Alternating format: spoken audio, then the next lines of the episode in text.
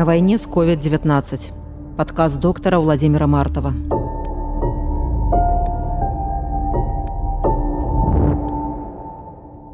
Глава 9. Вошли в работу. Все-таки панику среди медперсонала удалось погасить. Конечно, было страшно, но ко всему привыкаешь. Во-вторых, значительно улучшилась ситуация с защитными костюмами и масками-респираторами. В-третьих, большую положительную роль сыграла доплата за работу в красной зоне с ковидными пациентами. 16 апреля указом президента номер 131 были введены доплаты за работу с особо опасными инфекциями. Деньги были приличные, зарплата повысилась чуть ли не вдвое. Опасность опасностью, но уже в защите и не бесплатно. З вами журналістка свабоды Ганна Соус і вы слухаеце падказ доктара Мартава.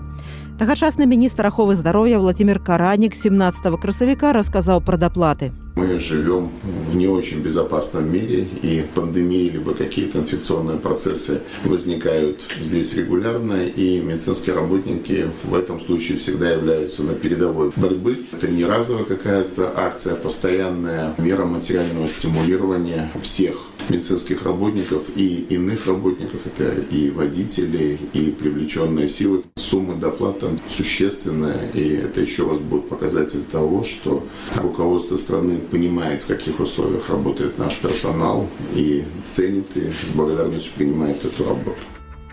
За працу з каранавіруснымі хворамі даплачвалі ад 300 да 4 тысяч рублёў у залежнасці ад месца працы, пасады і адукацыі. Сначала я выставлял дежурство для врачей по грязному корпусу по 12 часов, но это оказалось слишком тяжело. Мы ходили тогда в красной зоне полностью экипированными, маски и респираторы вообще не снимали. В палатах, где лежали пациенты, все дышало опасностью. Температура в палатах была под 38. От пациентов, как от печки, жаром так и пышет. Даже выйдя в коридор, становилось прохладнее. В мае, когда на улице потеплело, в СИЗах стало совсем не весело. Мы стали быстро перегреваться.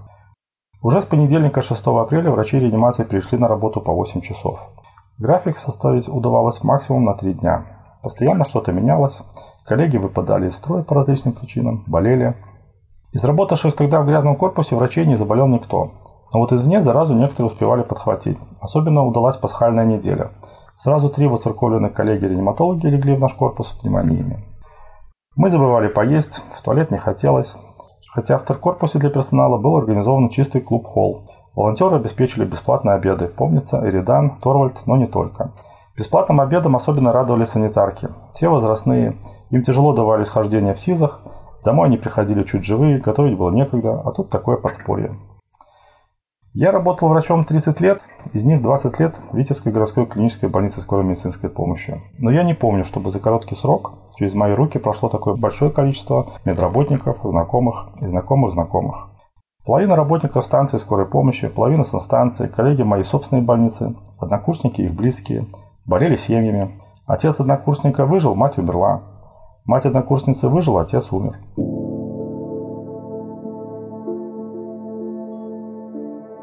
17 красавіка тагачаснага міністра аховы здароўя владимира караніка на прэсавай канферэнцыі папрасілі агучыць колькі медыкаў захварэлі на каранавірус по всем возможным цифрам озвучить пока не могу, потому что мы собирали, я уже говорил на брифинге о том, что это было 419, это была цифра на вчерашний день, сейчас проводится еще анализ по на вчерашнее утро, по последним данным, это первое, а по летальным услугам среди медицинских работников, я имею в виду среди врачей в Минске и медсестер тоже случаев не выявлено. То, что касалось по Витебской области, я же говорю, что там еще проводится расследование, поэтому окончательного диагноза нет, мы все эти случаи случаи знаем, они у нас на контроле. А случаи по скорой помощи, говорю, что это еще все-таки вторжение в медицинская тайна. Есть медицинская тайна, но предварительные данные этой ситуации не связаны. Не связаны с коронавирусной инфекцией.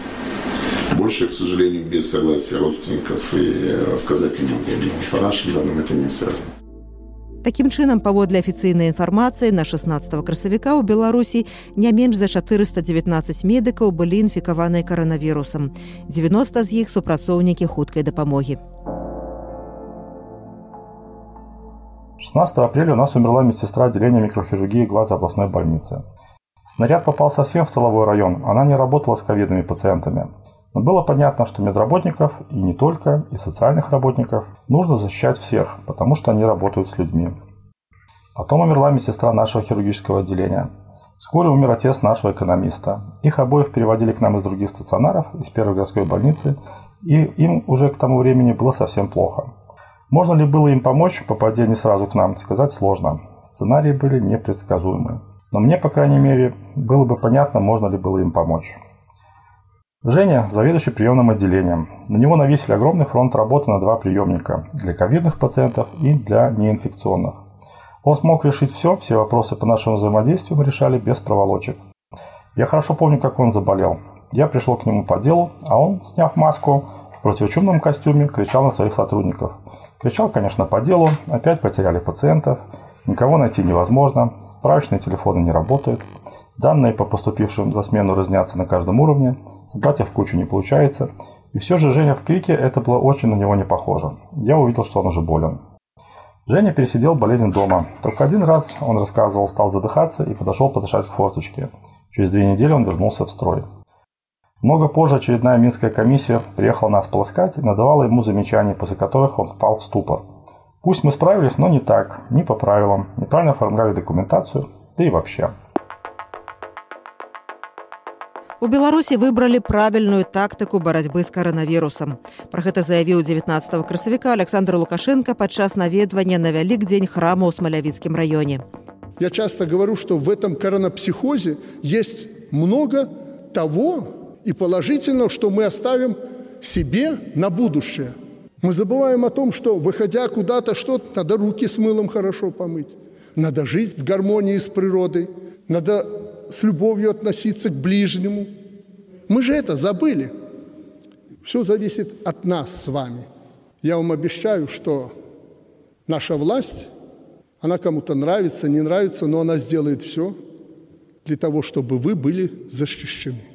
Ни сам Лукашенко, ни люди у церкве не были в масках.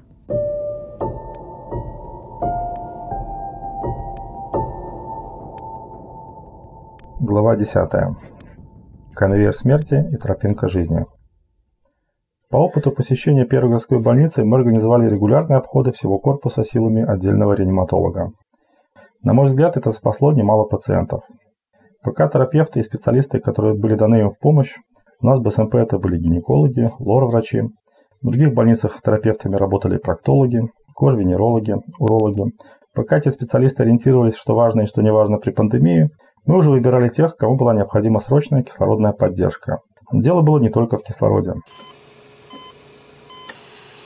Вызов реаниматолога в общую палату к задыхающемуся пациенту, перевод его в реанимацию, интубация трахеи ИВЛ и ящик. В Минске обычно говорили «чехол». На освободившееся место перевод следующего задыхающегося пациента, интубация трахеи, ИВЛ и снова ящик. Так реанимация быстро превращается в конвейер смерти. Это происходит в том случае, если не удается обеспечить индивидуализацию лечения, во-первых, и если отсутствует работа врача-реаниматолога вне отделения интенсивной терапии и реанимации, во-вторых. Мы нащупали другой алгоритм работы. Работа реаниматолога вне отделения реанимации с пациентами высокого риска неблагоприятного исхода, это помимо работы с ними врачей-реаниматологов, включало обучение правильному поведению, то, что я уже говорил, на Эвересте не делают зарядку, а экономят силы и кислород – Оценку достаточной гидратации. В более тяжелых случаях запрет нахождения в туалет, утка и судно у кровати. А это работа с младшим медперсоналом, санитарками общих отделений, которые к этому вначале были непривычны. Запрет пациенту даже присаживаться покушать. Это все помимо подачи кислорода через носовые катетеры или лицевую маску. И перевод в отделение реанимации, если этих мер не доставало. Получалась такая тропинка к жизни, где тоже хватало неудач неблагоприятных исходов. Но они редко были неожиданны. Сколько пациентов провели неделю 2-3 на животе, с кислородом в носу, суткой с судном под кроватью, с капельницей вместо еды и выжили. Среди них были мои знакомые и близкие друзья, на них я видел эффективность или неэффективность наших подходов. Лекарственной терапии самой коронавирусной инфекции в первую волну не было. Неинвазивную искусственную вентиляцию легких мы тогда еще не освоили.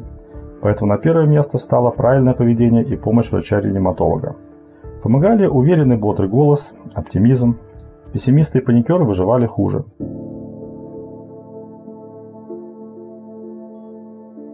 Тады ж міністэрства аховы здароўя распрацавала рэкамендацыі, як хаваць памерлых ад каранавірусу.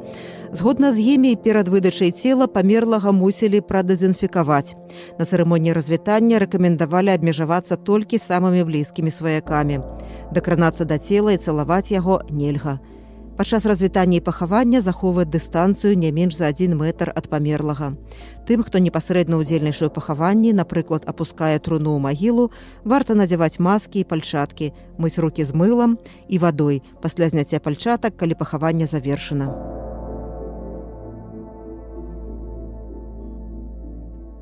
Самое дорогое в борьбе с коронавирусом было внимание специалистов, врачей-интенсивистов, тех, кто понимает, что такое гипоксия, то есть кислородное голодание – что такое обезвоживание? В чем риск чрезмерной траты кислорода? Даже не все реаниматологи понимали, что было важно для выживания. Что же говорить о смежниках? Формальные диагнозы пневмонии и двусторонняя полисегментарная пневмония вводили в заблуждение. Тем более, что в роли пульмонологов вынуждены выступать совсем разные специалисты, вплоть до физиотерапевтов.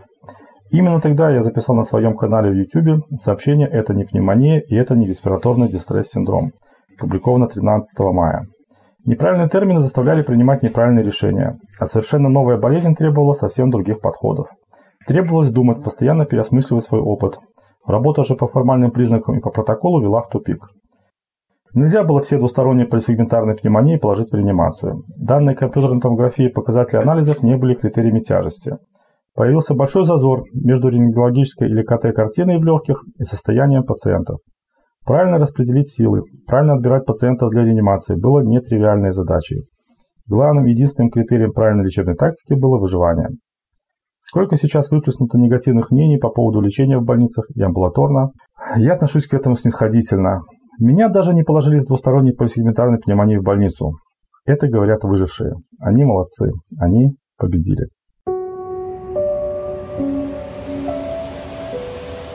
Доктор мартаў на вайне з covid-19 у наступным выпуску. Як адбывалася сарціроўка пацыентаў паводле цяжкасці хваробы? Удзел у онлайн-канферэнцыі рэаніматолягаў далі каманду не разважаць. Выжылых пасля апаратаў штучнай вентыляцыі лёгкіх было няшмат але яны былі. у